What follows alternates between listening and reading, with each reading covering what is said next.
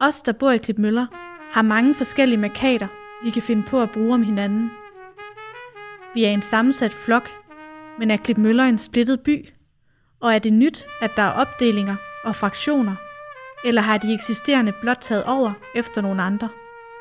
Det er baggrunden for den næste fortælling, du skal høre fra Kirsten Storm. Tilbage i hendes barndom var det bestemt ikke ligegyldigt, hvor i byen man boede. For var man en del af Østerby eller Vesterby?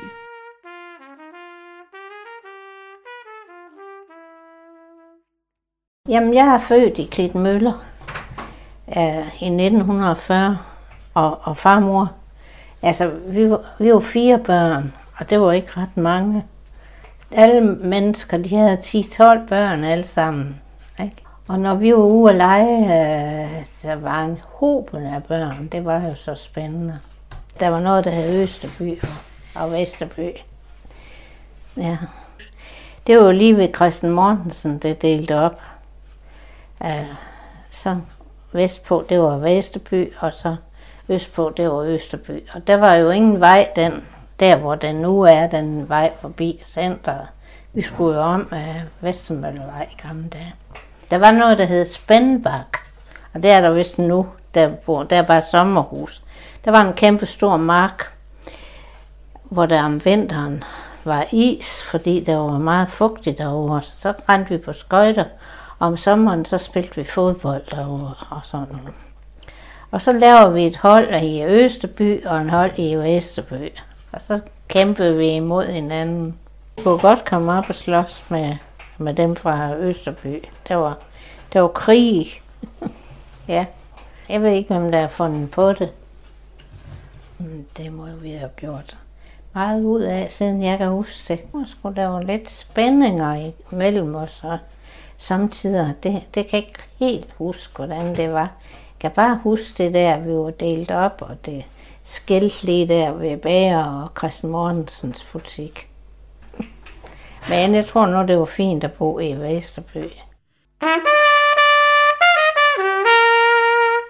Selvom vigtigheden af tilhørsforholdet til Østerby eller Vesterby for længst er glemt, og nok mest havde betydning blandt byens børn, så har Kirsten Storm flere gange oplevet, at byens folk taler om dem og os. Jamen, jeg har jo altid haft et, et, ligesom et, et forhold til Klitmøller. Altså, jeg har boet her i hele mit liv, og jeg tror, at Øh, ja, der, var så, der, der, der er jo også sådan, hvad skal man sige, sådan, der kan være en liten hak over den.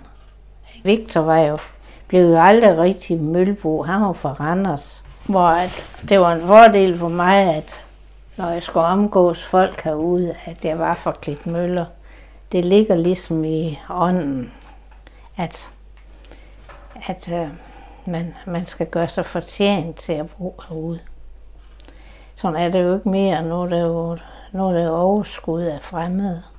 Og, og så diskuterer de jo meget i tiden på Facebook, hvor, hvornår man er rigtig mølbo, og, og hvor mange generationer tilbage man skal være ens forældre og bedsteforældre skulle have mølbo, og forældre sammen ikke rigtig mølbo. Mine forældre kom jo dels, dels fra Vorbøger og Stenbjerg. Så hvis vi skal tage fra det, så er jeg jo ikke rigtig møllebo, selvom jeg er født herude. Det jeg nyder sådan set at se, at der kommer nogle børn og nogle unge mennesker. Jeg, jeg er født nysgerrig og vil gerne snakke med folk, ikke? Så nej, jeg synes, jeg synes sådan set, det er fint nok. Jeg har ikke fornemmet sådan, at, at, at, at, at vi ikke kan være her.